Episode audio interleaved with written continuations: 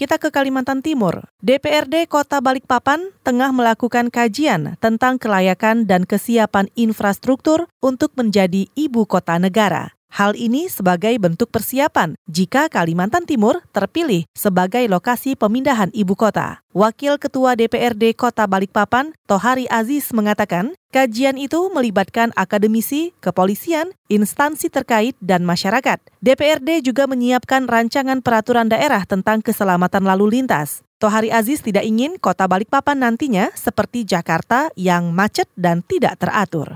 Karena undang-undang lalu lintas yang sekarang kita gunakan adalah Undang-Undang Lalu Lintas tahun 2009. Sehingga dengan perkembangan kota, perkembangan uh, pertumbuhan penduduk, ini perlu untuk dilakukan kajian kembali untuk Balikpapan ke depan kan gitu.